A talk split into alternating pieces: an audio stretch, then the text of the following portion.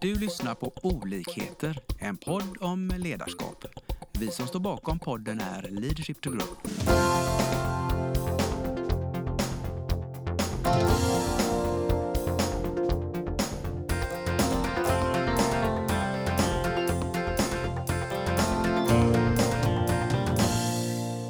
Välkommen till dagens podd. Idag är det jag, Lars och min kollega Lena från Leadership to Grow och så har vi en väldigt spännande gäst som får presentera sig själv lite tänker jag. Mm.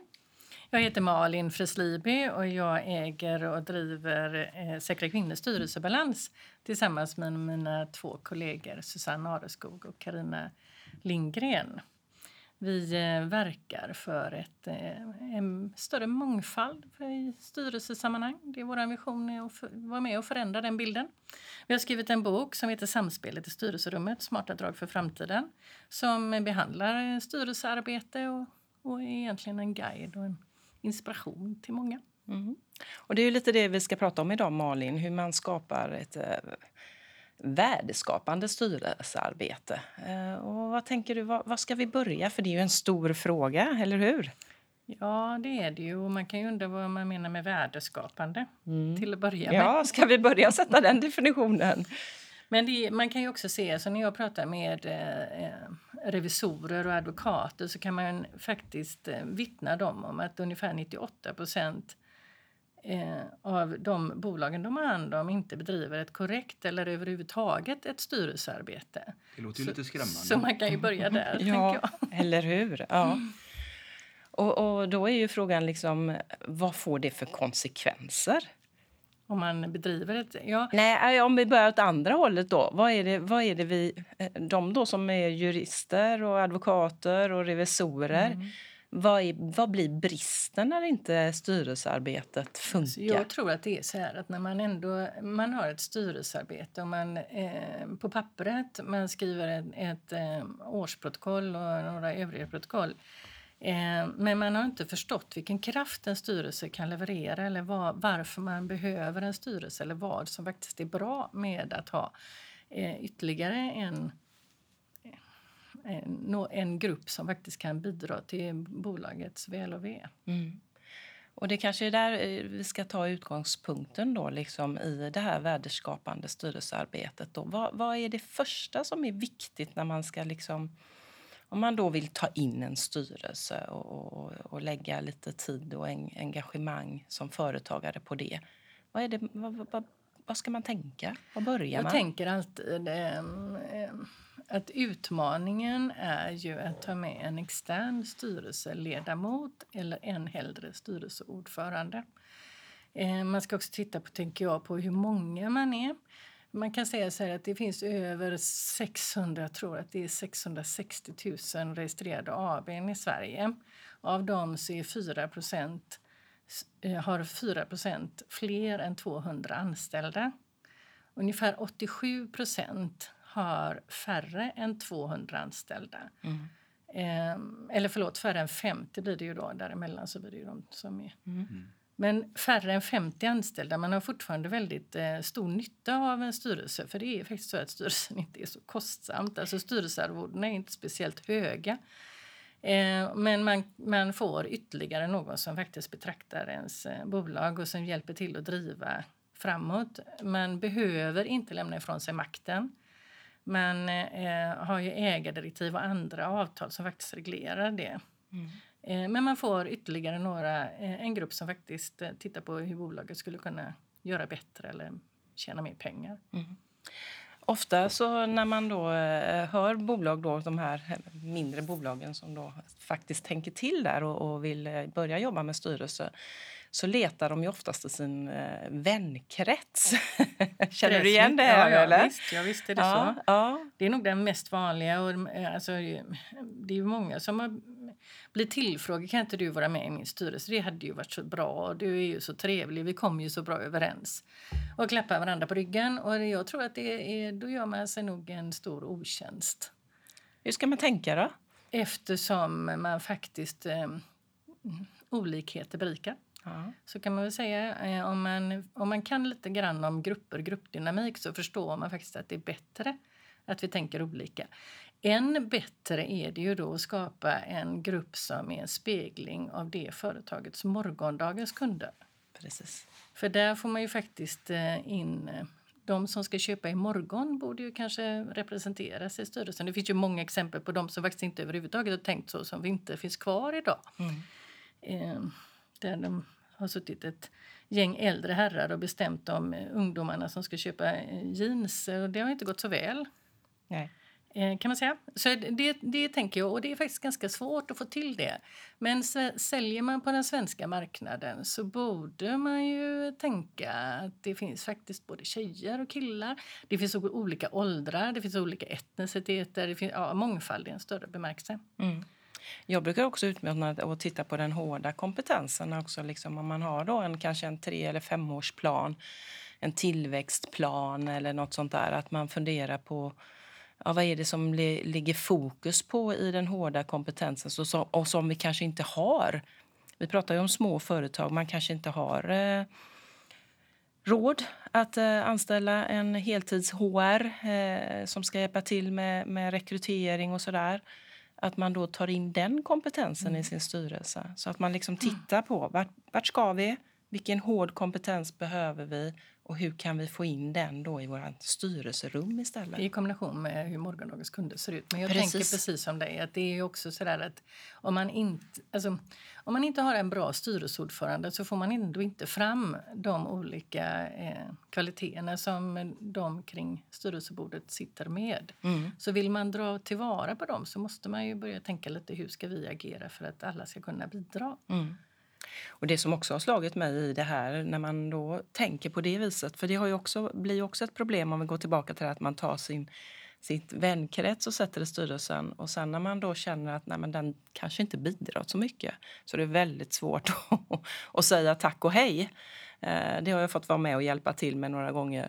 Men om man har en plan liksom och, och säger att vi behöver din kompetens för att matcha in i den här planen och nu har vi satt våra affärsmål eller vi har satt våra långsiktiga försäljningsplan så nu kanske vi inte behöver just din kompetens, nu behöver vi någon annan. Då blir det inte så känsligt heller. Nej. Nej, jag tänker också att om man överhuvudtaget får all formalian och hela strukturen på plats kring ett styrelsearbete så har man redan, eh, då gör man eh, utvärderingar och man gör eh, alltså kartläggningar, vad man behöver. Alltså om man tänker till så finns det ju jättemycket faktiskt man kan dra nytta av. Då har man sina ägardirektiv, man har en arbetsordning, man har en struktur med alla protokollen och man vet när och vem som ska bidra. Och man kanske kanske ha temaperioder för styrelsen för att mm. faktiskt veta. Finns det en rädsla för den här strukturen och administrationen bland ägare? Det finns en rädsla för att lämna från sig makten. Det är det, det. Ja. Skulle jag säga. Men gör man ett, bedriver man ett korrekt styrelsearbete den, alltså strukturmässigt så eh, behöver man faktiskt inte vara det. Nej. Men, Men det, då, det får man också, ja. ja, då får man också Ja, det är klart att alla utgår från sig själv och det gör jag med. Jag utgår alltid från att en grupp eh, bidrar mer än en enskild person. Mm. Så tycker man om utveckling framför avveckling så, så är det ju faktiskt så att då måste man vara flera för att kunna bidra. Ja, den är ju svår att säga emot. Mm, ja, men det är svårt. Men det är också, jag eh, har ju själv Eh, det är svårt känslomässigt att komma så långt så att man faktiskt tar in någon extern till styrelsen. Mm. I vårt lilla bolag så är vi tre eh, delägare men vi har tagit in tre stycken styrelseledamöter av samma anledning. För att vi faktiskt ska matcha. Ja, vi funderar på om det är någon av oss tre ägare som ska gå ur av mm. samma anledning. Ja. Mm. Men det är lite läskigt. Och det är ju, eh, men det är ju mer känslor om man nu ska titta yes. vad man vill yes. uppnå. Så, och det är klart att vi är ju pyttesmå, men de som är lite större, där, där borde man faktiskt tänka till lite. Men sen så är det man vet vad man har, man vet vad man får, så mm. det är mm. inte heller givet att man förstår att man behöver kraften från en styrelse. Många gånger så skapar man ju en advisory board eller så skapar man eh, ibland olika paneler för sina bolag för att man ska ha någon som betraktar mm. utifrån. Och då övergår det mitt förstånd att man inte skapar en styrelsestruktur istället. Mm. Men är det den här rädslan att tappa makt, eh, tänker du? Som, som... Ja, det tror jag mycket. Ja. Och sen så är det många bolag som står med generationsskiften och då blir det ännu svårare. Mm. Eh, och ännu svårare om man inte har strukturen skulle jag vilja säga. För men det mm. går faktiskt eh, ganska bra att göra generationsskiften. Mm. Om man mm, tänker till. Men om, man, om lyssnarna nu, om, om vi har någon lyssnare som är, är, har ett företag eller de är med och styr. Hur ska man utmana till att det är bättre att ta in en styrelseordförande då som kan bidra? Vad, hur, hur ska man tänka för att ta första steget? Ja, alltså jag tänker så här att då, då, ringer man till oss och så bollar man. Eller så ringer man till er och bollar. Jag tänker att eh, jag tror att det är ganska faktiskt comme Jag skulle säga att det är många som rekommenderar just det där att ta mm. första steget, mm. ta in en extern styrelse, ordförande många gånger, men ja. en styrelseledamot kan man ju börja med. Dem. Det, det känns farligt. jätteläskigt. ja, eh, alltså det blir ju också att alla, alla skärper till sig, att man faktiskt får ordning på sina mm. alla dokument. Man måste bedriva ett korrekt styrelsearbete på ett Precis. annat sätt om någon annan kommer med och ja, betraktar. Syftet, ja, syftet med styrelsen kan väl inte vara trevligt? Bara. Nej, det kan man ju undra om en del tänker. Ja. Men sen ska man också titta på hur stor gruppen är. För tar man in en och det sitter tre delägare där så kommer den personen ändå inte bli hörd. Nej. Så att man får tänka till lite så att det blir en bra balans. Och då när man ändå tänker till så kan man tänka till vem är det vi säljer till imorgon. Mm. Hur ser de ut? Mm. Du, jag skulle vilja stanna lite till i det här med strukturer. Då. Eh, för som Lars var inne på här, lite, vi märker ju ofta att eh, folk är rädda för struktur. Eh, ge liksom lite argument för att det inte är så farligt med strukturen. Och vad är det liksom... Alltså, för mig är det väl så här att jag tycker att jag behöver viss struktur för att kunna vara kreativ. Det finns många människor som är kreativa och sen behöver de lite struktur. Alltså jag kan ju tycka att om det är på lördag så kan min man öppna kylskåpet klockan fem och säga vad ska vara till middag. Det skulle jag vilja planera på torsdag för jag tycker det är så roligt att gå och tänka på ah, då ska vi äta god middag. Så man är ju bara olika så kan man ju säga. Eh, men i det här sammanhanget så behövs, alltså det finns ju en del lagar och regler som styr vilka struktur man faktiskt behöver. Mm. Men om man drar nytta av strukturen behöver man inte känna att man lämnar ifrån sig eh, makten. Det är väl lite det som är poängen. Ett bra ägardirektiv, vi gör ganska många workshops kring mm, ägardirektiv för man kan ladda ner rätt från nätet, mm. det vet alla. Men vill du ha ett bra ägardirektiv där du inte känner att du lämnar ifrån dig det så, så behöver man nog ta hjälp tror jag. Om vi stannar upp där, för det, det, som du säger, det är ju en av nycklarna då att ha, ha koll på hur makten fördelas. Det är ett bra ägardirektiv. Men det kan vara läskigt bara det och tänka den tanken, ska vi skriva ett jäkla dokument här nu? Men mm. det behöver inte vara så märkligt va? Nej, det, det är inte så märkvärdigt egentligen, men det ska ju spegla det som man faktiskt känner eh, och vill med företaget mm. framöver. Alltså, och sen om man då inte vill att det ska växa behöver man inte skriva något. Så kan man ju också vända på det och säga. Mm. Men alltså, vill man att man faktiskt... All, alla företag eh, finns ju faktiskt till för att tjäna pengar. Föreningar inte. Alltså det är väl egentligen den stora skillnaden. Så har du ett företag, då vill du ändå att ska, du ska kunna leva på det och växa och att det ska gå framåt. Sen så kan man ju fundera över vilken takt man ska växa och så, men det är en annan fråga. Mm. Men då finns det finns ingen anledning att inte ha en styrelse. Det kan man väl bara konstatera. Mm. Och du släpper inte ifrån dig makten om du gör enligt strukturen. En sak som jag också upptäcker då just det här, du var inne lite på det förut, när man har ganska mycket olika hattar på sig som ägare. Eh, och, och, där är det väl också då att strukturen kan hjälpa till. Så att eh, är du ägare eh, och är ledamot så jag är, har du liksom synpunkter på hur styrelsearbetet eh, bedrivs eller inte bedrivs så får du gå tillbaka till ditt ägardirektiv och bli tydligare mm. där. Mm. Men där kan jag uppleva ibland när man sitter i olika att personer har svårt vilken hatt. Och sen kanske de till och med är ute och jobbar och har någon tjänst i företaget. Liksom. Så de har tre olika hattar och förstår inte vilken hatt de har på de olika mötena. Nej, alltså det av, av eh, samma anledning så får vi faktiskt en hel del uppdrag om styrelseutveckling. För att man vill öva på att ha på sig olika hattar. Man vill också öva på att eh, eh se till företagets bästa, inte, inte mitt bästa eller min avdelnings bästa. Um, och det är, ju, det är ju en utmaning tror jag för alla. Mm. Um, många gånger när det går bra så behöver man kanske inte fundera på det eller då kanske man borde fundera på det. Ja, vad gör man... det som går bra? ja, Varför? Ja, och det är inte alla som mm, tänker så. Men det är ju en av de största utmaningarna skulle jag säga när man har kommit förbi det här med att dela med sig av sitt ansvar eller skrivit mm. ägardirektiv och inte känna att man blir av med ansvaret. Så när man väl kommer igång i en styrelse i ett styrelsesammanhang så är det ju en stor utmaning och Och tänk, nu ska vi tänka mer visionärt. Imorgon är det ledningsgruppsmöte, då ska vi kanske vara mer operativa. Mm. Och där är du inne på någonting också tycker jag som jag vill höra hur du tänker där. Eh, skillnaden då på ett ledningsgruppsmöte och ett styrelsemöte. Ja, nej, men det är väl framförallt det operativa. Men sen så är det ju det här om man lyckas då, om man sitter då som du säger, både som vd och som ägare och styrelseordförande så då kan man ju säga att kanske man har lite för många. Där kanske man ska ha en annan extern styrelseordförande.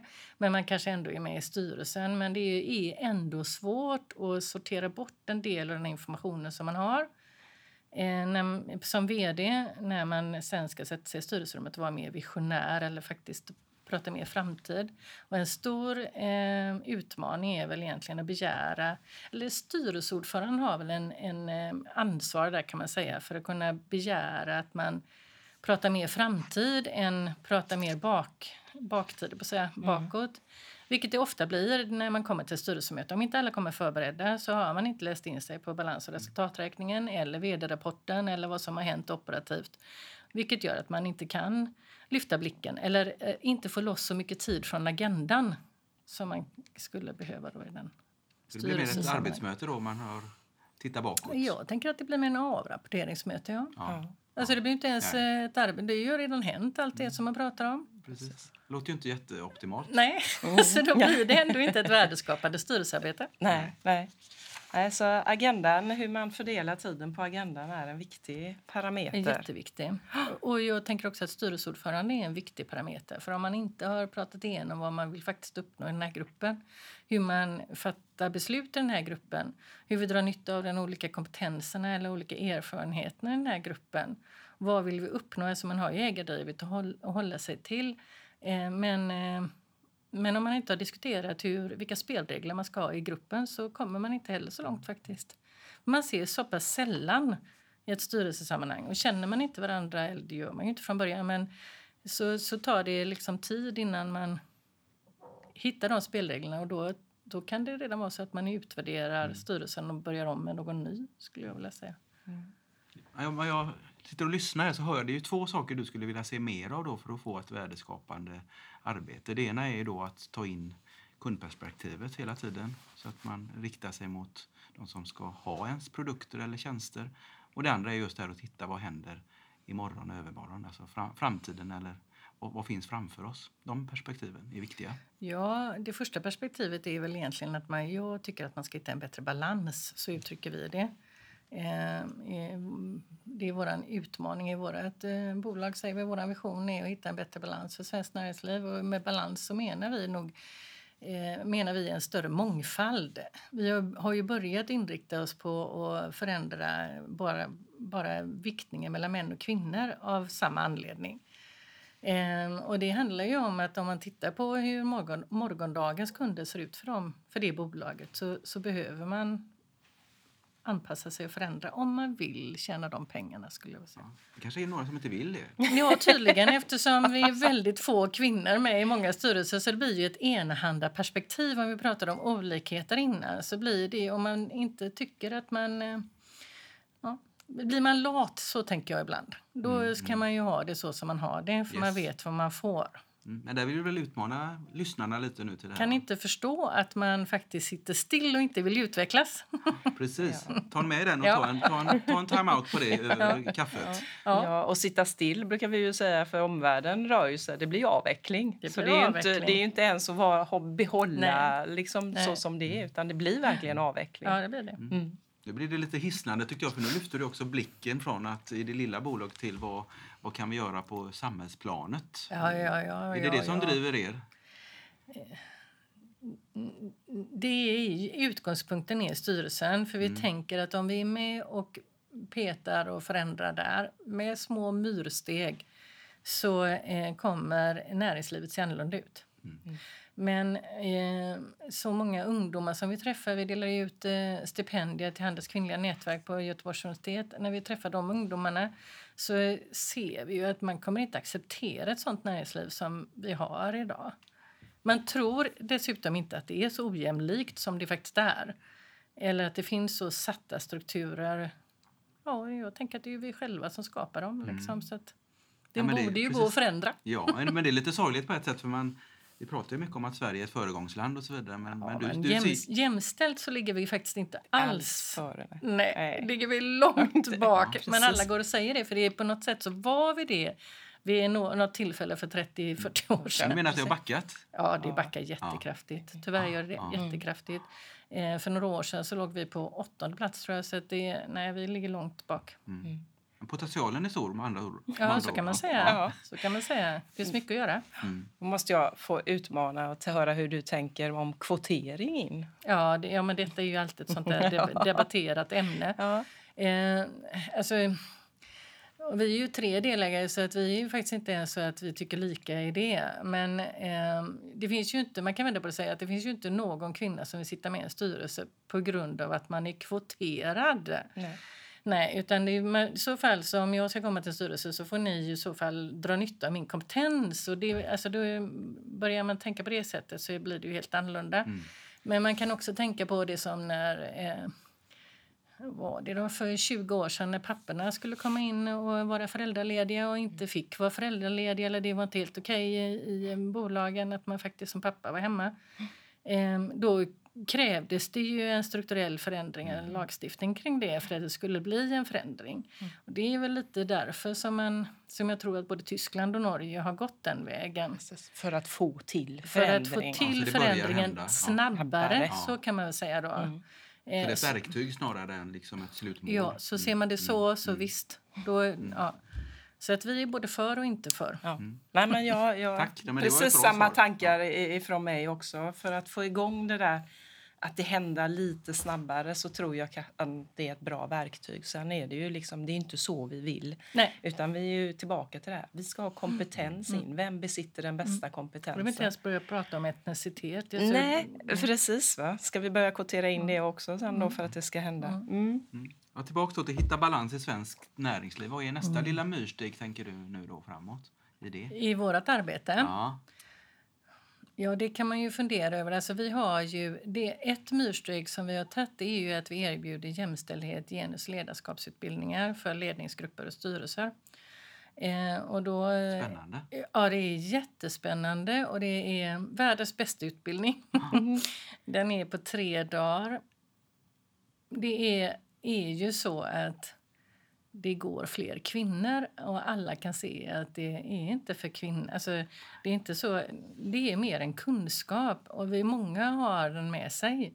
Men vi ska bara se det från ett annat Mm, håll. Man kan, alltså det handlar alltid om maktbalanser till härskartekniker. Mm. Faktiskt.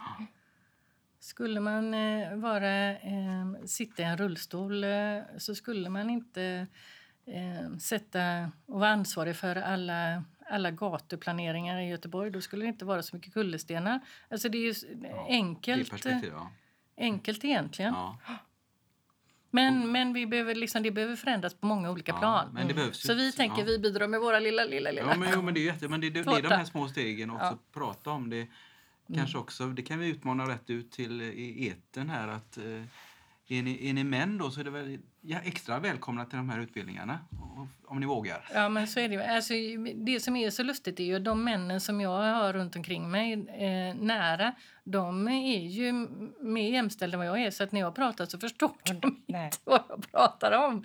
Men jag pratar inte om min närmsta krets. Men när man liksom lyfter blicken lite längre bort, och det är väl där myrstegen Ja, det, kan komma menar, in vad, då. vad, vad kan man göra där? För liksom, eh, de som Ja. inte vill eh, ser ju inte ens problemet om man Nej, säger så. nej men vi, vi jobbar ju på jättemånga olika Ja. fronter kan man väl säga. Ja. Vi har ju jätte, ibland så kan man säga att vi är ju mer påverkansföretag än, än, än något annat. Mm. Vi har skrivit en bok, vi har utbildningar, vi har anpassade tjänster, vi håller på en hel del med styrelseutveckling, vi har workshops för ägardirektiv. Mm. Så vi har ju, har ju en bredd i det vi levererar av samma anledning och försöker vara med och påverka på flera olika Men om jag fronter. tänker högt där då, det, det här som vi lyfte i början, värdeperspektivet är väl det mest intressanta för det finns ju mycket pengar att tjäna Ja, på men att, att, det. att, jobba så, Det tänka finns så. jättemycket forskning som visar det. Ja, Mm. Absolut, så det, det är väl det, kunde, det om något skulle ju trigga att ta Mm. nästa steg Mm. tänker jag. Ja, vi går in och utmanar lite nu och vi kommer att ha ett event om VM i Qatar bara för att eh, nämna ja. något tillsammans med Spelarföreningen och Fifpro Ja, ja. Den 9 november. Så att, eh, ja, då är ni hjärtligt Tufft, välkomna. Ja, vad härligt. Men Mm. det var, den här norska kvinnan som stack ut haken, var, är hon med? Ja, ja, nej. inte- eh, Men hon är var Caroline. Jönsson är med Ja, från Fipro ja, eh, yes. och så Magnus Erlingmark från Spelarföreningen. Härligt. Och så kommer vi prata en del om sponsring också. Ingmar Ja. Kvickfeldt kommer vara med. Så att, eh, ja. Bra. Kul. ja, men Caroline Jönsson är väl också precis just det kommer vara en det som hon pratar om. Ska Mm. man åka eller ska man inte åka? Hon är ju, För det är väl en balansgång där också i påverkan. Att, att är man Mm. inte där kan man inte påverka heller. så säger ju hela eh, Sverige, eh, heter det? Ja, för alla förbunden säger så, men Ja. det kan man ju ifrågasätta om det är så. Mm. Ja, det Eller ska man precis. påverka innan? Mm. Mm. Men eh, det är ju lite det som är deras argument, att Ja. åka medan idrottarna inte tycker att... Eh, som enskilda personer är det inte alla med på Nej, och det är ju förståeligt tänker jag också i det för påverkan är ju Mm. det finns olika sätt. Mm, Men det så det handlar om agera. sportswashing eller sports... Sportwashing. Watching. Ja, ja, precis. Watching sports Spännande. eller Ja, sports viktiga frågor där också. Absolut. Ja. Mm. Så att visst, vi försöker påverka på många olika håll. Är det någon, något område vi har missat, tänker du? Nej, men jag tänker ibland att eh, styrelses, alltså en, en stor uppgift för en styrelse är ju att, att titta in i framtiden och förstå hur framtiden förändras och vilken, eh, hur man ska uppnå det här företagets vision. Och där ser jag väl att det är väldigt många som inte är så snabbrörliga, flexibla, agila för att faktiskt kunna eh, ändra i sin affärsmodell för att hänga med. Mm. Ehm, och sen är det ju inte tänkt att man ska vara så flexibel så att man Nej, men vad tror du det beror på? För jag, jag tycker också man ser... Trots Jag att tror haft, att det beror på det vi har pratat om. det är så. Ja, det är för, Det är för gamla dålig- strukturer. Ja, eh, precis. Man är för bekväm. Man Ja. är för, alltså har man olikheter i sin styrelse och man lyckas som grupp att fatta bra beslut så tror jag inte det Ja, uppstår. Precis, och, man, och då får man ju gratis så att säga, fler perspektiv. Också. Ja, fler ögon, absolut. fler öron, fler Mm. hur man ser på världen och hur man ser på utveckling. Ja, Precis. Så då, då tror jag faktiskt inte man hamnar där. Men Nej. det är ju bara att titta nu på pandemin, vem det var som inte lyckades att ställa om faktiskt. Precis. eh, i en sånt, ett sånt krisläge. Något Mm. som ingen kanske kunde påverka. Nej, men det gick att agera olika. Ja, väldigt olika Mm. och det påverkade affärsmodellen och väldigt mycket olika. Bra. Mm. bra. Den är bra. Och det händer ju som sagt, som du säger, det, förändringen går ju jättefort. Vi har en massa kriser samtidigt nu. Både ekonomiska, materialbrist och transport och allt vad det är. Kommer, ja, världen kommer se annorlunda ut, så Ja. det är väl det enda vi vet. Precis. Ja. Nej, men så vi behöver en Ja. agilare, mer Ja. eh, mångfacetterad styrelse. Ja. Det är egentligen Tror- ganska kristallklart. Ja, men så är det ju. Och jag tror att det kan vara svårare för många i vår generation att fatta de besluten. Jag tror att till exempel i en styrelse skulle det vara guld värt att ha med någon i en annan ålder. Mm. Hur, hur kan man intressera dem för det då? För det finns det, ser du ett intresse i, i de, de coming generation, så att säga, de nya talangerna? Jag tror inte alls att det behöver vara så svårt. Men Nej. jag tror inte att man ställer upp på de gamla strukturerna. Nej. Så att det är klart att vi måste finnas en struktur med Ja. formalia som vi pratade om tidigare. Yes. Men, men man kan också fundera på om styrelsemötena ska gå till så som de gör. Precis. Mm. Nej, för det upplever jag ju i våran eh, liksom, nära krets att många i den nya generationen de är inte beredda att lägga den tiden om de inte får någonting för det. Liksom. Alltså, då menar jag inte pengar, utan precis som du säger att det ska vara kul att gå på ett styrelsemöte. Sitta av tiden och titta i en gammal balansräkning, det är inte okej.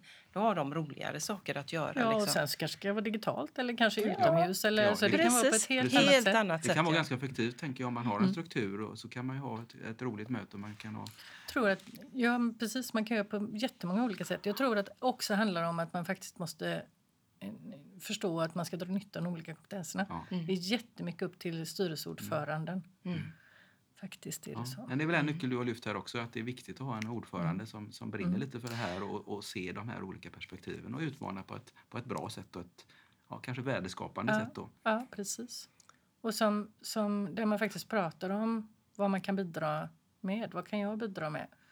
Och på vilket sätt man vill bidra och eh, ja, vilka spelregler man faktiskt ska ha mellan sig. Hur visar vi varandra respekt eller vad det nu är för Mm. spelregler Ja, det är ju mjuka, mjuka frågor där också. Som är, som är många så, mjuka. Ja. Kan man skynda på den processen också? För du var inne på det lite i början, tyckte jag. Att det här att det, det tar ju tid att lära känna varandra men ju- sen kan man ju skapa stor tillit och även ett kanske ett större mod Nej, i men det finns ju många olika mm, metoder och modeller att göra det, att lära känna varandra. Ja. Men framförallt att man börjar där och frågar.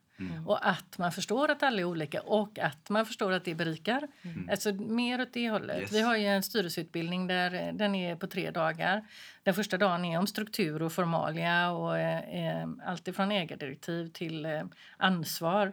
Eh, dag två är om ekonomi, dag tre är om gruppdynamik. Det är det? Ja, Det är om bra. makt Låter som en Och jättebra... Ja. härskartekniker och hur man fattar bra beslut i grupp. Mm. Eh, och då har ju de här personerna träffat varandra två tillfällen innan. Så två, den är på tre dagar, så de har träffat två dagar Mm. Ja, innan. ja. Eh, men eh, ja, det går ju. Och då, det har går, vi ja. ett fiktivt eh, rollspel, ett styrelsearbete. Yes, ja, och det, så, så, så lägger man fokus på det. det Då lägger går man det fokus på det. Ja. Mm. Ja, det går ju rätt fort eftersom det är ju så att lärdomen ofta är att oh, vi hade lärt oss allt det här och vi agerade ändå så som vi brukar. Mm. Bra. Och då tänker jag, tar man sig till den här utbildningen så, eh, så är man ju beredd på, då har man bestämt sig att man vill utvecklas och man vill förändra. Det händer ju ibland att man kommer in i en styrelse där man då kanske är den enda som har fått ett uppdrag till att göra den här förändringen. Eh, och man känner sig ganska ensam, även om man kanske har ordföranderollen då. Vad kan man få för hjälp då och stöttning? Jag tänker så här, alltså dels så här är det, när man gått vår styrelseutbildning så kommer man med i en styrelsepool som vi har. Eh, och där får man gärna vara med om någon annan styrelseutbildning också för det är ju där vi searchar först kan man säga när vi sätter till någon i en styrelse. Men eh, i ett sånt läge som du säger då skulle jag nog eh, eh, som styrelseledamot fråga ifall inte vi ska göra en styrelseprofil allihopa. Om man använder den eh, vi, vi har en tjänst som vi kallar styrelseprofil. Då tar man fram styrkor och svagheter enligt lite personlighetstester och logiska tester för var och en. Då kan man faktiskt kartlägga hur det ser ut i rummet. Mm.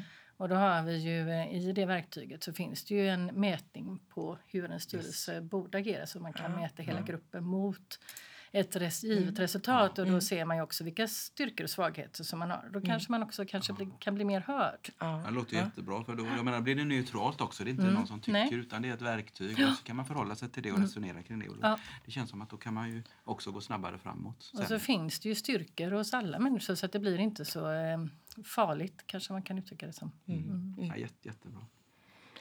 Ja, spännande. Vad skickar vi ut? Vad skickar vi för medskick där ute? Att, Ja, alltså värdeskapande styrelsearbete. Jag tänker ju framförallt så är det väl det är ju de tre sakerna som vi kanske har berört mest. Då att skapa, eh, ta in en extern styrelseordförande, eh, ha, ha hela strukturen med sig så att man faktiskt också kan öva på de olika hattarna, annars så går inte det. Eh, och sen så se till företagets bästa om man då vill fatta beslut i en grupp. Mm. och summan av det, det kan man förmodligen ganska snart se på nedersta raden. Ja, men så är det ju. Så det, går, det. det går nog ganska fort. Mm. Mm. Eh, Men det är ju så, vågar man inte satsa så kommer man ingenstans. Nej, precis. Härligt Malin att ha dig här. Eh, Tack för att jag fick komma. Ja, och jättehärligt, eh, härliga diskussioner. Och vi hoppas att vi nu inspirerar er som lyssnar att våga reflektera. Hur ser era bolagsstyrelse ut och kan ni göra någonting annat? Och eh, kontakta Malin eller kontakta oss på Leadership to Grow om ni vill ha ett första dialog. Tack ska ni ha. Tack för idag. Tack. Vi hoppas att vi har väckt tankar om hur du kan utveckla och stärka ditt personliga ledarskap. Följ oss gärna på våra sociala medier där vi heter Leadership to Grow. Om du vill ha mer inspiration och verktyg, gå in på vår hemsida leadershiptogrow.com. Tack för att du lyssnar.